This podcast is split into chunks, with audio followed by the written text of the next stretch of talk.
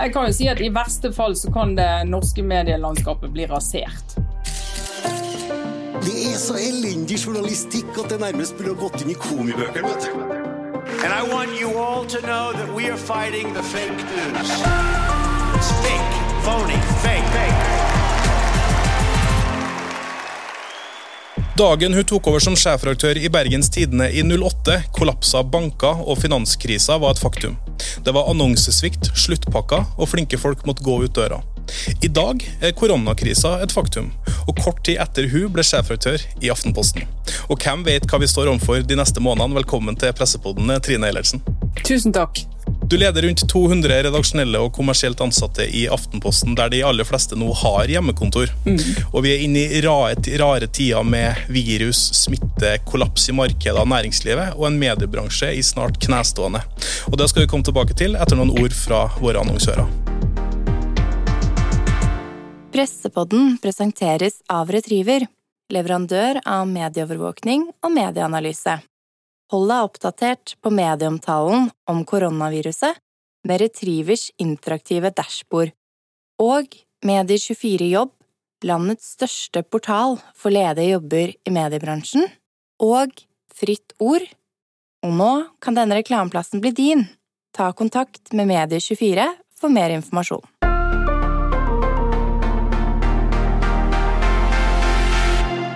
Trine Eilertsen, koronakrisa får store følger for norsk økonomi. Næringslivet stuper, og dugnadsviljen den strekkes på ukevis.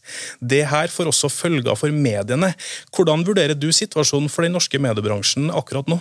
Det, altså det, er jo, det er veldig uoversiktlig, men det jeg tror alle har til felles, unntatt uh, NRK, det er at uh, vi har opplevd en uh, svært dramatisk annonsesvikt. Altså det var som om noen skrudde av lyset her rundt 12. mars, og vi har sett pengene bare renne ut i feil retning. Så er det noen som er mer sårbare for det enn andre.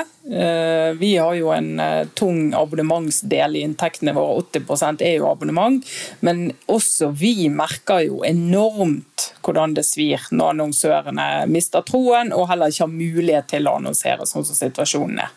Er du bekymra for inntektene i bransjen, altså hvis du både ser på bransjen i sin helhet og din egen avis? Ja, det er fordi at uh, det går så fort. Uh, og det er en del som uh, er begynt med permitteringer.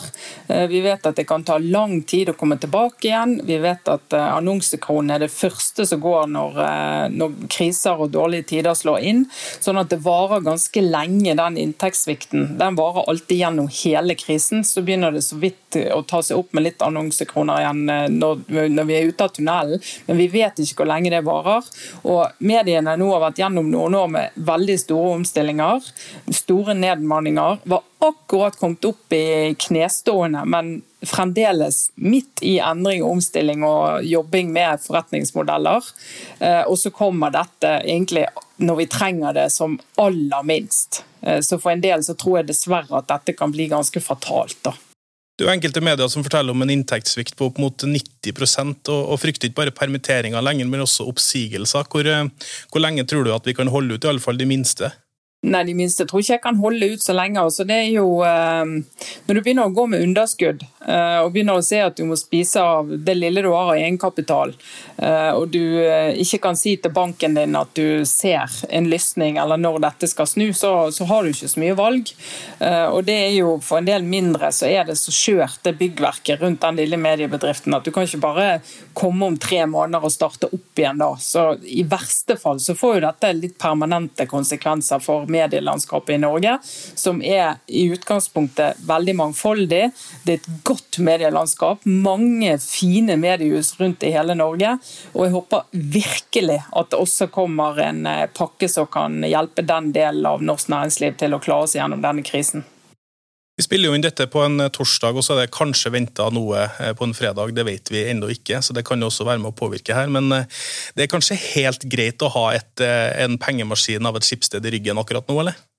Ja, altså Skipsted er jo solid og finansielt i god form, eh, men det er klart det at alle deler av Skipsted får en smell nå. og store, De trafikkmaskinene våre som VG og Finn eh, merker jo dette. Vi merker det, selv abonnementshusene merker det.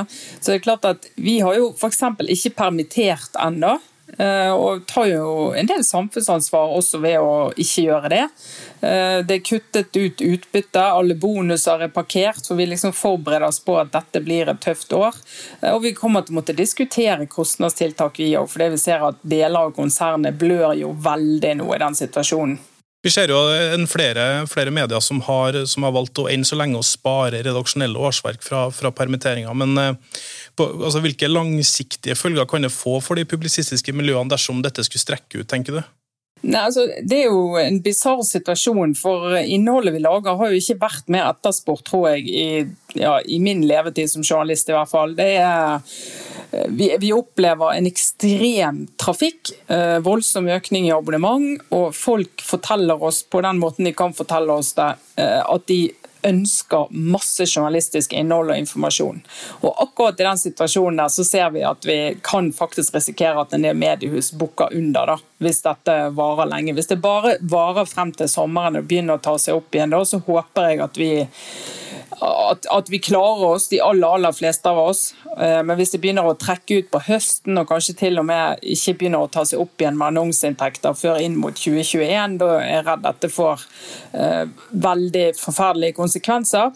Altså Én ting er jo den enkelte mediebedriften, men den journalistiske dekningen av Norge vil bli skrinnere og dårligere, og, og vi mister en veldig viktig funksjon i vårt demokrati. da.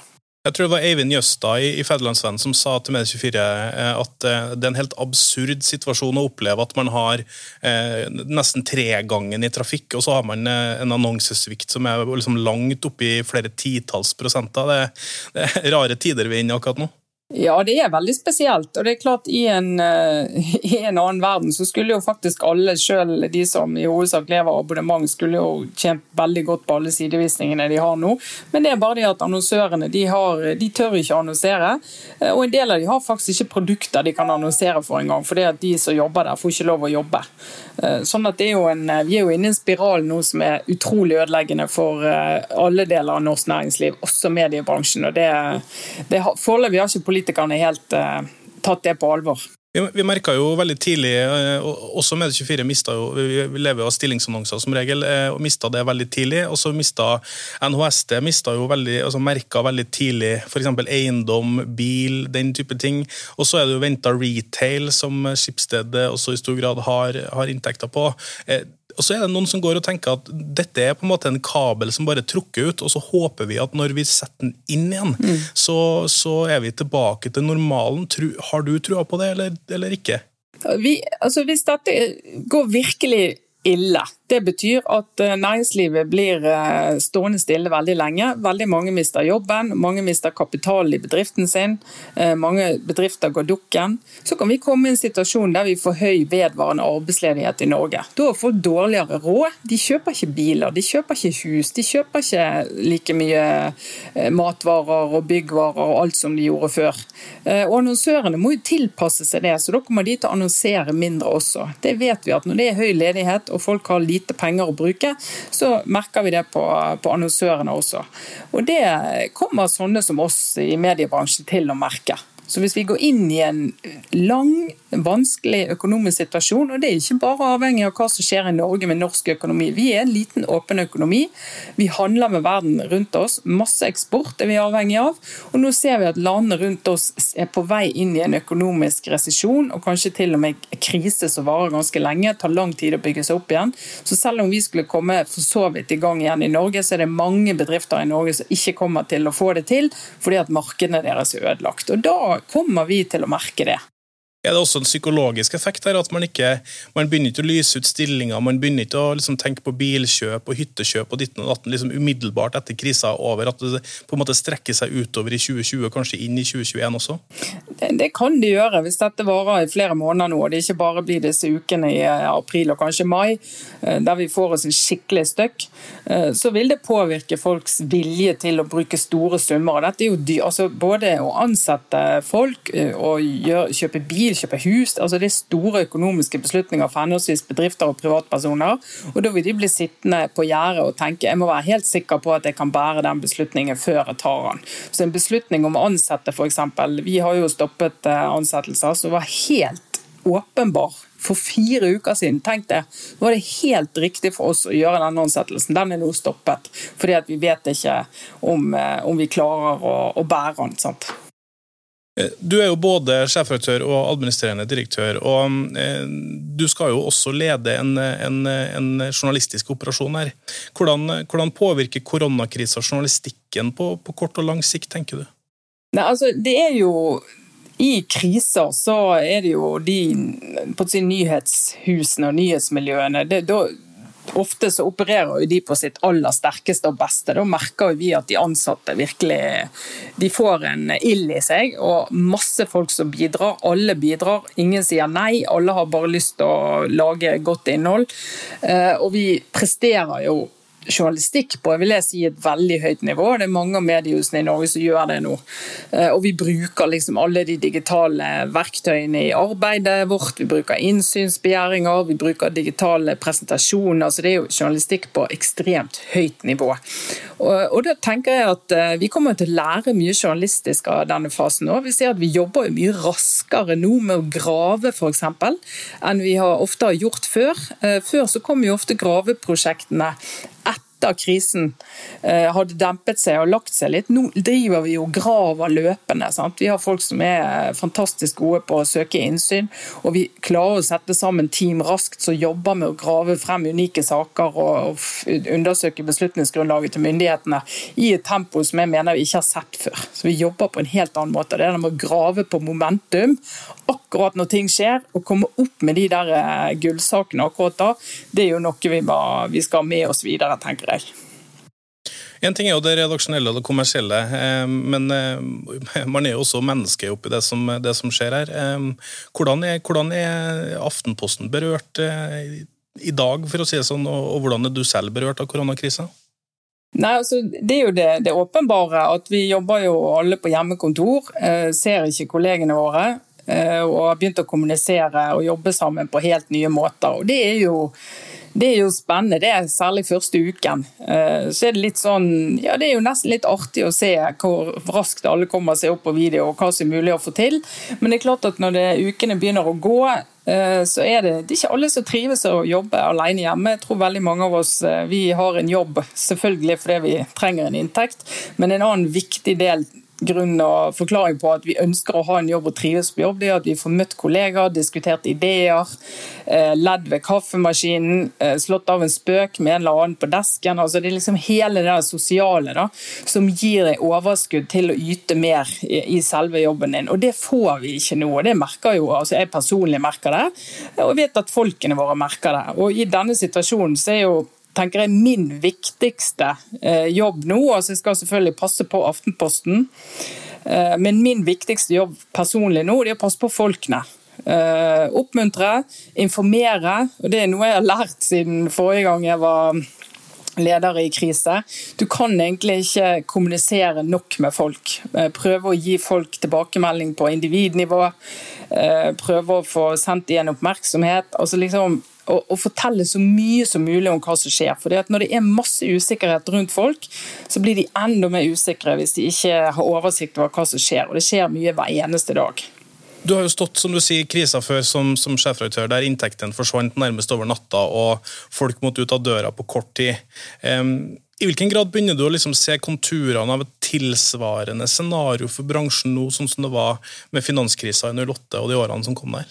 Ja, altså det som var med finanskrisen, var jo at den kom jo samtidig med en for oss eh, strukturkrise. Altså var Da vi for alvor begynte å merke Facebook, iPhone, altså smarttelefonen, og hva det gjorde med leservanene til folk, og med annonsørene. Sånn at en ting var at du hadde den akutte krisen, finanskrisen, som vi omtalte som eh, tsunamien. Eh, men så hadde du også den strukturkrisen som vi omtalte som klimakrisen. Så du skulle både løse det akutte og og det langsiktige. Da. Og Det var jo derfor også at det gikk voldsomt utover bemanning. Vi måtte kutte mye kost mye raskere enn vi hadde tenkt. Så det var, jeg tror mange ansatte opplevde det som ganske brutale år fra 2008 og gjennom 2012 og et par år til der. Nå er vi ja, Hva lærte du av den finanskrisa som du tar med deg inn i, inn i jobben nå? Nei, altså, Noe av det jeg eh, lærte, altså, i hvert fall som leder, da, er jo, det er jo nettopp det der at som toppleder i en sånn situasjon, så er det folkene. Du må ha utrolig oppmerksomhet om folkene. og tenke på å sette det inn i deres situasjon, der de sitter rundt på alle disse kjøkkenbordene rundt omkring i Oslo, eh, og prøve å tenke hva du sjøl ville ønsket deg når du satt der. Og da, Du ønsker jo ikke å ha fred og ro og at ingen skal ta kontakt med deg, du ønsker det motsatte. Og du ønsker å vite, selv om det er dårlige nyheter, så ønsker du å vite så mye som mulig. For i hvert fall for min egen del, for ti år siden, så tror jeg nok jeg lett kunne tenke at du skulle skåne folk for for alt det som jeg måtte sysle med av eh, tall og dilemmaer og alt du måtte holde på med. Eh, men det du gjør da, det er at folk vet at ledelsen er opptatt med å jobbe med masse viktige ting, men de opplever kanskje ikke at de får at de skjønner så mye av det, for det er ingen som forteller det. og Da blir de enda mer urolige og lurer på hvor dårlig står det egentlig til. Mens nå prøver jeg å være så åpen som mulig om absolutt alle dilemmaene vi står i, og informere helst daglig. og og på så mange måter som mulig, sånn at folk i hvert fall skal føle at de, de henger med da, på det som vi jobber med i ledelsen, og forteller egentlig litt sånn minutt for minutt hva det er vi jobber med. Du er jo inne på det, men eh, Mange av våre lyttere er jo journalister og redaktører. og, og, og Du, du kommer jo med ett råd her, men, men hvilke råd har du til medieledere som kanskje for første gang står i en krise? Du er inne på kommunikasjon nå. Ja, Kommunikasjon det, det kan du omtrent ikke gjøre nok av. Jeg tror du kan være mer åpen enn du ofte tror, også om usikkerhetene dine. Ting du ikke er helt sikker på. Bare dele det. Jeg tror ikke folk eh, har spesielt høy tillit til folk som fremstår veldig skråsikre i denne situasjonen, for vi vet ikke hvor lenge det varer, vi vet ikke hvor dette ender. Eh, det må vi være åpne om. Eh, og så må vi være liksom, trygge på det vi kan være trygge på. Men så tenker jeg òg at altså, i en del jeg jobber jo i et ganske stort mediehus og har f.eks. en som jobber som er ansvarlig for beredskapsjobbing, og gjør det på heltid. Sånn at det gjør ikke jeg. I en del mindre mediehus så må du gjøre begge deler. Men likevel så tror jeg det er ganske viktig at selv om du er få, så må du dedikere litt ansvar for særlig sånn som beredskap, og kunne svare på spørsmål og kunne ta alt det som handler om hvem kan komme på jobb når de har hostet, og hvordan skal vi planlegge hvis vi får et fravær på 40% hvem kan vi samarbeide med? Noen som har dedikert ansvar for det. Og så må du tenke på butikken og på folkene, først og fremst. Hvordan er du sjøl som leder i en krise, kontra når det er mer eh, normal eh, tilstand? Nei, altså, Det er jo litt sånn vanskelig for meg å bedømme, men jeg merker jo at jeg går inn i en veldig veldig sånn fokusert uh, tilstand. Da. Og så tenker Jeg jeg skal, må jo tenke fremover, uh, for dette handler om veldig store penger. Men jeg må også tenke veldig sånn dag til dag. Altså Bare få løst problemer og få, få, få unna ting. Uh, og ikke ligge og gruble, sove godt om natten. Gå masse tur ut hver eneste dag. Må jeg ut og ta meg en luftetur. og Jeg merket her for et par dager siden, da kom jeg meg ikke ut. Og da ble jeg litt sånn brakkesyk og, og, og nedstemt og tenkte herlighet, hvordan skal dette gå egentlig? Og da da må du ta det sjøl i nakken og, og, gå ut og høre på en podkast som handler om noe helt annet, og, og rett og slett koble av der, for det blir veldig intenst.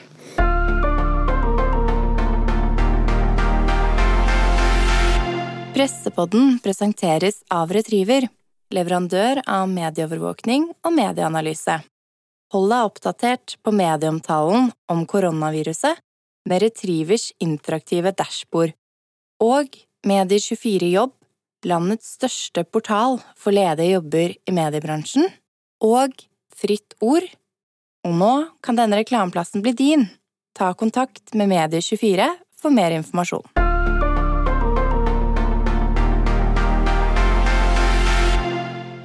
Den, eh, vi, vi, har vært litt inne på, inne på, ledelse og den type ting. La oss gå litt inn i journalistikken. Eh, fordi Fredrik Solvang sa at vi i den innledende fasen av koronautbruddet agerte som mikrofonstativ for myndighetene. Eh, hvor vanskelig er den balansen, synes du? Altså, vi har jo et oppdrag både med å bidra til å informere, Uh, altså vi skal jo fortelle om uh, alt det helt sånn saklige smittetall og tall på innlagte og hva det måtte være. Uh, og også hva, hvordan folk skal agere. hva skal du gjøre nå for å unngå å bli smittet. og så har vi ansvar for å ettergå. og der, det, det, er klart at jeg tror Kjetil Alstheim hos oss sa det, han syntes det var, var påfallende hvordan journalistene på den første pressekonferansen 12.3 var ingen som spurte om Går vi for langt nå i disse tiltakene? Hva vurdering ligger bak? Hvem har tatt disse beslutningene, og, hvorfor foreslår dere akkurat dette? Eh, og da var vi mer sånn og bare formidlet det, men jeg mener jo også at det gikk jo ikke mange dagene før vi begynte å, å stille spørsmål. Jeg tror Aftenposten det var vel en knapp uke før vi kom frem med den saken om at eh, det var ikke FHI som hadde anbefalt eh, skole- og barnehagestenging, tvert imot. Det var, den beslutningen var, det var en annen type beslutning, og du begynte å få en debatt om både tiltak og, og liksom beslutningsgrunnlaget da, som myndighetene. Og det skal vi gjøre, eh, samtidig, vi skal, men vi skal ikke eh, komme med La hvem som helst få lov å si at eh, nå burde vi fortsette å lukke skolen. Altså, du, kan liksom ikke, du må være veldig kildekritisk med hvem du lar komme til orde og komme med kvalitative vurderinger av beslutninger som er veldig komplekse og veldig vanskelige.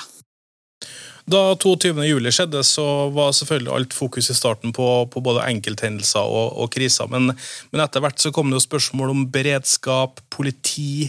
Var vi forberedt på det? Hva skal vi gjøre i årene framover? Altså, vi ser jo for alvor at den debatten begynner jo å komme også nå i Norge, sett i lys av koronakrisa. Hvor, hvilken rolle tenker du at vi som journalister bør ha i den debatten for å dra opp disse linjene? Ja, altså det, det ofte er jo det der et sånn litt uh, spørsmål om timing, og da mener vi at vi, er blitt litt modnere. Selvfølgelig så var jo 22. juli uh, der var det veldig mange som ble drept, og vi var i et sjokk på en helt annen måte nasjonalt. Sånn at Journalistene og redaktørene var jo altså, veldig personlig berørt eh, av det som hadde skjedd. og Det tok litt tid. altså Vi måtte summe oss rett og slett før vi klarte å, å, å se klart og hva vi skulle gå ordentlig inn i. Eh, nå mener jeg vi har begynt mye tidligere med det.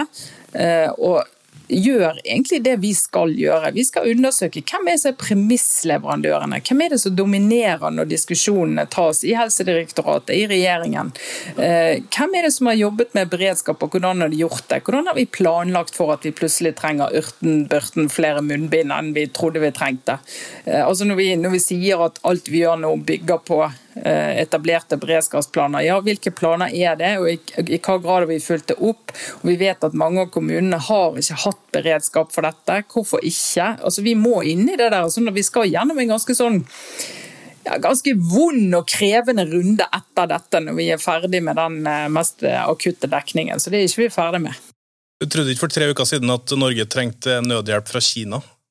Nei, og så eh, er det jo helt bisart å tenke på at problemet vi skal løse også kommer fra Kina. Så verden er jo global på godt og vondt i, i stort format. Når jeg først har en eh, Skipsted-redaktør og direktør her, så må jeg jo stille også spørsmålet om hva du tenker om eh, NRK sin rolle i en krisesituasjon? Nei, altså NRK har jo en, en, spesiell rolle og en del av beredskapen. Men vi ser jo også på, og vi ser at folk flokker seg rundt NRK akkurat som de flokker seg rundt alle oss andre. Eh, så ser vi jo at eh, den posisjonen som NRK hadde før som en sånn helt egen kanal for å få ut eh, veldig viktig informasjon, den er jo altså den er mye mer uh, fragmentert. Vi er mange flere som konkurrerer om det pga. de digitale plattformene. Før så måtte du liksom følge den radiosendingen og den TV-sendingen der NRK var kanal for å få ut myndighetenes informasjon. Eh, mens nå ser vi jo at dette er jo løpende digitalt både i NRK hos alle oss andre. Så det er klart den unike posisjonen som NRK hadde som en sånn hva skal jeg si, nasjonal beredskapsinformasjonskanal, den er jo ikke like viktig som man var. For det er jo flere av oss som tar det ansvaret på det dypeste alvor.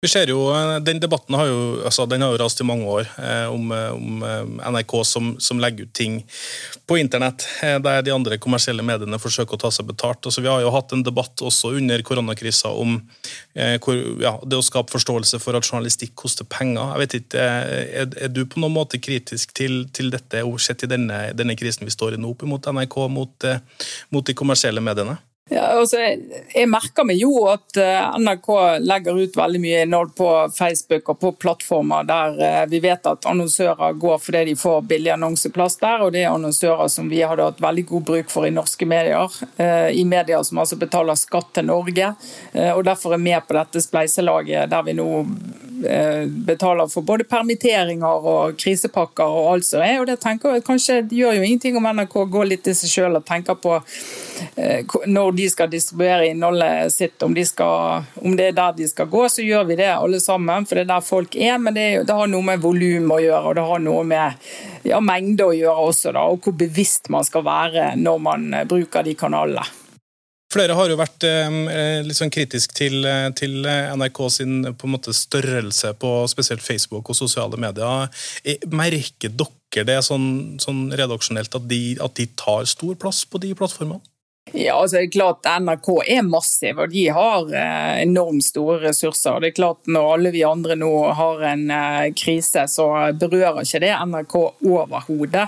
Sånn at de får jo muligheten til å altså De kommer ikke til å komme ut av dette med færre ansatte, eh, men, mens det vet ikke vi om kanskje en del av oss andre gjør.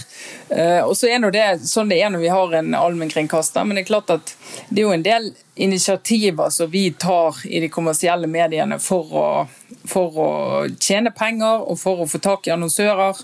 Eh, som vi, vi merker oss jo hvis NRK nærmest kopierer de ideene og legger seg tett opp til det, eh, så er det jo litt sånn Er det nødvendig? Er det nødvendig? Altså Jeg skjønner at NRK er nødt til å være på nett for det er der folk er, jeg skjønner at de er nødt til å være på mobil for det er der folk er, men det er liksom på formater og en del sånn som jeg av og til tenker at det der kunne dere jo kanskje latt de kommersielle mediene få lov å, få lov å holde på med, da, siden eh, de trenger jo eh, de formatene for å kunne finansiere sin journalistikk, som er svært, svært viktig i det norske medielandskapet. Får du og Aftenposten eh, mye pass fra, fra, lesere når dere legger ut ting eh, som de ville ha karakterisert som bak mur, men jeg prøver å fjerne den betegnelsen med å si forbeholdt abonnenter? Ja, det er forbeholdt abonnenter og det er høykvalitetsinnhold som eh, vi jobber med. Og eh, de som er så greie at de betaler for journalistikk, de skal selvfølgelig få mer enn de som ikke betaler for journalistikk. Eh, og vi fikk en del pes i begynnelsen. Jeg skrev en kommentar om det og har fått veldig lite etter det. Eh, og opplever at en god del forstår det når jeg forklarer for det første så altså Samfunnskritisk informasjon det er åpent, det får alle. Eh, folk skal kunne bruke Aftenposten og få eh, den type informasjon. Men saker som vi har brukt tre-fire journalister på og brukt eksepsjonell kompetanse for å få tak i, det er klart at vi må bruke den journalistikken til å finansiere resten av det vi driver med, og den journalistikken. Og Hvis vi skulle gi vekk alt nå Jeg fikk en mail i går fra en som mente at vi skulle ha alt åpent i denne fasen her. Eh, så sier jeg ok, du er ikke sikker Aftenposten er her om et år eller to.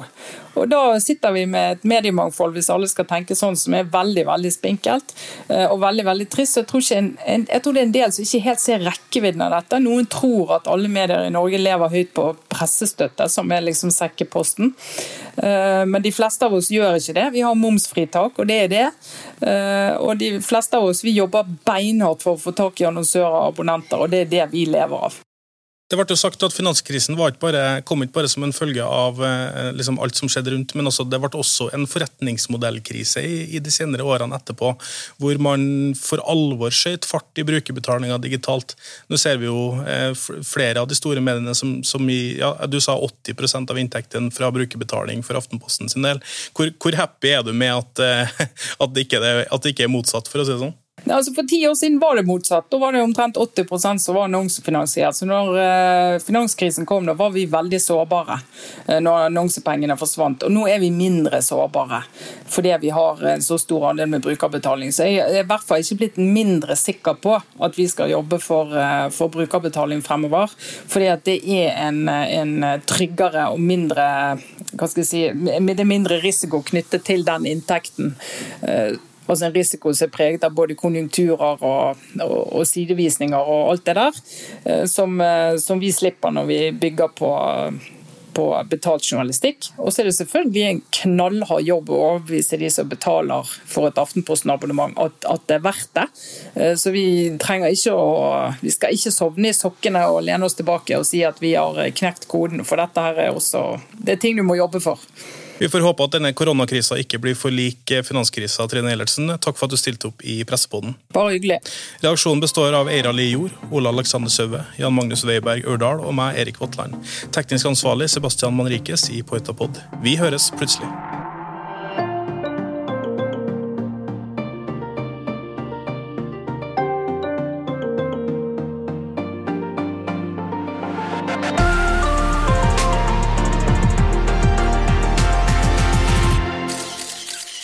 Pressepodden presenteres av Retriever, leverandør av medieovervåkning og medieanalyse. Hold deg oppdatert på medieomtalen om koronaviruset med Retrievers interaktive dashbord. Og Medier24 Jobb, landets største portal for ledige jobber i mediebransjen. Og Fritt Ord. Og nå kan denne reklameplassen bli din. Ta kontakt med Medier24 for mer informasjon.